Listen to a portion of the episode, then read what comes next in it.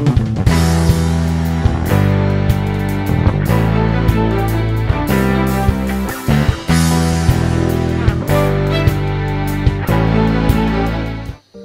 Bapak Ibu Saudaraku yang kekasih di dalam Tuhan kita Yesus Kristus. Di mana pun Anda berada, saya berharap kita semuanya ada dalam keadaan baik. Selamat berjumpa kembali dalam renungan singkat yang saya sampaikan pada hari ini Bapak Ibu dan Saudaraku semuanya, kita semua berada dalam masa-masa yang sulit Karena semua serba dibatasi Supaya kita dapat bertahan di dalam kehidupan ini kita harus memiliki tiga hal. Yang pertama adalah iman, yang kedua adalah pengharapan, dan yang ketiga adalah kasih. Dalam renungan singkat ini saya ingin menyampaikan tentang pengharapan. Pengharapan itu sama pentingnya dengan udara dan air bagi kehidupan kita. Tanpa udara dan air, maka kita tidak dapat melanjutkan kehidupan ini. Orang yang tidak memiliki pengharapan, dia akan mengisi hidupnya dengan keputusasaan dan tidak jarang mereka mengambil jalan singkat karena pada dasarnya mereka tidak punya pengharapan. Jadi setiap orang yang memikirkan masa depannya, dia harus memiliki pengharapan di dalam hidupnya. Untuk apa pun yang kita kerjakan dalam hidup ini, entah itu studi, entah itu berusaha, entah itu bekerja, ya semuanya harus disertai dengan pengharapan. Ibarat seorang pembajak yang mengerjakan ladang dan ibarat seorang mengirik yang membersihkan gandum. Mereka harus mengerjakannya dalam pengharapan. Artinya ia memiliki pengharapan bahwa pada saatnya mereka akan memperoleh bagiannya. Tetapi semua penggenapan pengharapan itu sangat bergantung kepada faktor manusianya.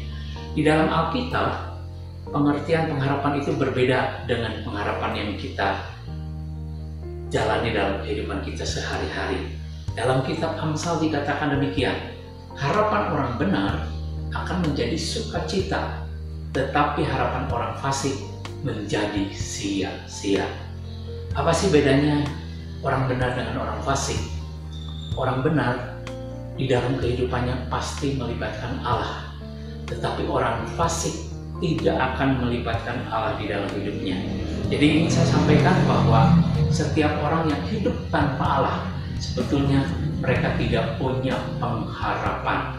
Tapi orang benar yang melibatkan Allah di dalam hidupnya, pengharapan itu akan terwujud dan pada saatnya orang itu akan mengalami sukacita. Jadi ketika orang yang benar itu percaya bahwa Allah itu adalah Allah yang hidup, percaya bahwa Allah itu adalah Allah yang dapat bertindak, percaya bahwa Allah itu punya kuasa, dapat campur tangan dalam hidup orang percaya, dan yakin bahwa Allah itu pasti menggenapi janjinya, maka akibatnya harapan itu akan menjadi sebuah kenyataan. Saya akan membacakan surat Kolose pasal yang ke-1 ayat yang ke-23 yang berbunyi demikian. Sebab itu kamu harus bertekun dalam iman, tetap teguh dan tidak bergoncang dan jangan mau digeser dari pengharapan Injil yang telah kamu dengar dan yang telah dikabarkan di seluruh alam di bawah langit dan yang aku ini Paulus telah menjadi pelayannya. Jadi firman ini mengingatkan kepada kita semua supaya pengharapan Injil itu harus menjadi pedoman, harus menjadi pegangan. Kita tidak boleh goyah, kita tidak boleh tergoncangkan oleh keadaan, dan jangan tergeserkan pengharapan itu oleh hal-hal yang lain. Supaya pengharapan Injil itu dapat digenapi dalam hidup kita, maka semuanya tidak terlepas daripada iman yang dimiliki oleh seseorang dan tidak dapat dilepaskan dari keteguhan dan ketekunan agar harapan itu dapat bertumbuh. Ketika seseorang memiliki harapan yang alkitabiah, maka orang itu tidak akan memprioritaskan pengharapan yang duniawi. Kenapa?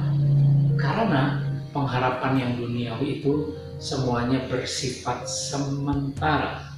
Sedangkan pengharapan Injil itu bersifat kekal.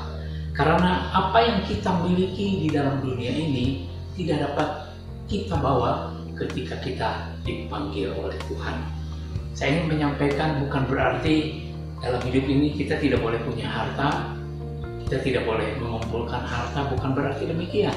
Tetapi ketika kita menjalani hidup ini, kita tidak boleh menjadikan semua harta yang kita miliki menjadi sumber pengharapan kita. Tuhan Yesus berkata, tetapi bagimu kumpulkanlah harta di surga. Jadi dengan demikian pengharapan Alkitabiah itu akan membawa seseorang untuk hidup benar, hidup suci, dan hidup kudus di hadapan Tuhan dan juga di hadapan manusia.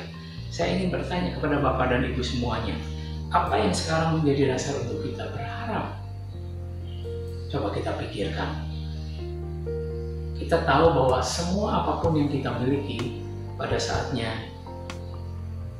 tidak dapat kita bawa pulang. Apakah kita sudah memiliki dasar pengharapan yang berkaitan dengan kekekalan? Pengharapan Alkitabiah adalah modal utama untuk menghadapi masa kekekalan. Pengharapan apa saja yang dapat kita raih ketika kita menjadi orang percaya yang teguh dan kita memegang pengharapan itu dalam diri kita?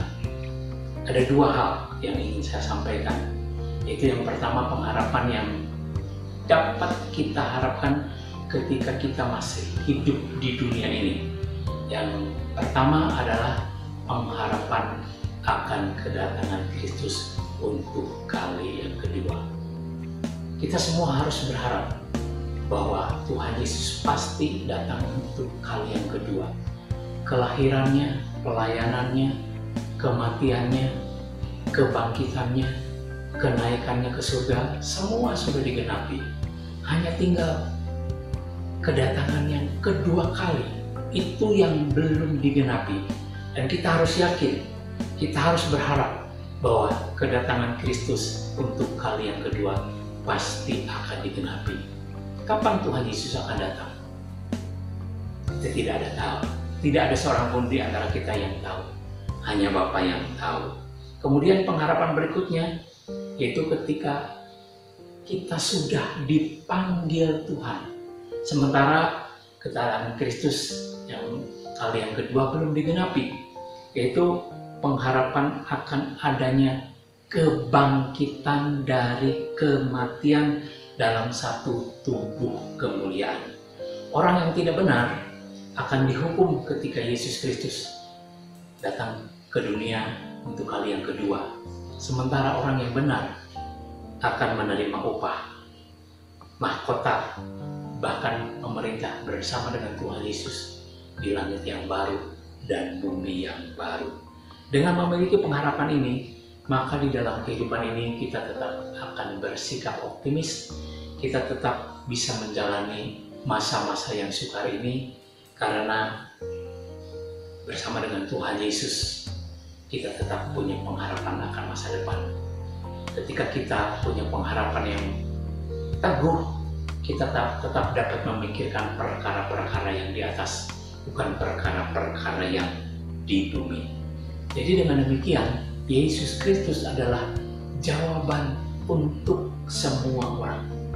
Kalau kita dengar berita yang kita dengar hari-hari ini, banyak orang yang hilang pengharapannya. Banyak orang yang berpikir kapan selesai kasus virus corona ini. Banyak juga orang yang berpikir apakah sesudah semua selesai ekonomi bisa bangkit kembali? Apakah hidup dapat kembali normal? Saya ingin sampaikan bahwa penyelesaian bagi dunia tidak dapat ditentukan oleh usaha manusia, melainkan hanya Tuhan saja yang dapat menyelesaikannya. Nah, hal-hal apa yang dapat menggeser kita, menggoncangkan pengharapan kita dalam kehidupan ini? Ada juga dua hal yang ingin saya sampaikan. Yang pertama, pengharapan itu pengharapan akan Injil itu akan tergeserkan ketika kita tinggal di dalam kenyamanan yang bersifat jasmania. Ya contohnya harta atau kekayaan, kedudukan, penghormatan, fasilitas, gelar, pangkat, mungkin keberadaan orang tua kita, mungkin keberadaan anak-anak kita. Nah, semua itu mengakibatkan kita tidak lagi memikirkan hal-hal yang rohani. Manusia lupa akan hal-hal yang rohani karena kenyamanan yang bersifat jasmania. Ketahuilah bahwa semua tadi itu bersifat sementara. Semuanya akan kita tinggalkan ketika kita menghadap Sang Pencipta. Ingat bahwa kita datang ke dunia dalam keadaan telanjang. Kita pun akan pulang dengan telanjang pulang alias tidak membawa apa-apa. Kemudian penghalang pengharapan akan Injil akan tergeserkan ketika kita mengalami perasaan kecewa.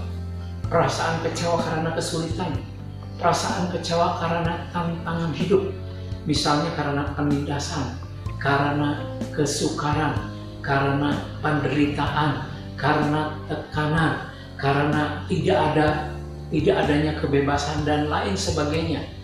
Nah, Bapak dan Ibu, saudaraku semuanya, jangan sampai kita tenggelam di dalam kekecewaan. Mari kita hadapi masa yang sukar ini bersama dengan Roh Kudus, bersama dengan Tuhan Yesus sendiri. Bersama dengan Tuhan pasti selalu terbuka peluang. Bersama dengan Tuhan kita dapat menjalani masa depan yang penuh pengharapan. Akhirnya, Bapak dan Ibu, saudaraku semuanya, miliki pengharapan yang bersifat kekal. Apa yang kita harapkan, yakin bahwa itu pasti akan terjadi karena pengharapan kita bukan didasarkan kepada kekuatan kita sendiri, tetapi pengharapan kita didasarkan kepada Allah.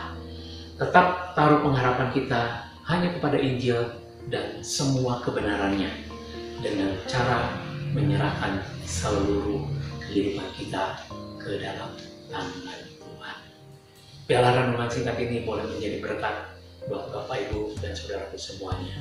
Shalom, Tuhan memberkati.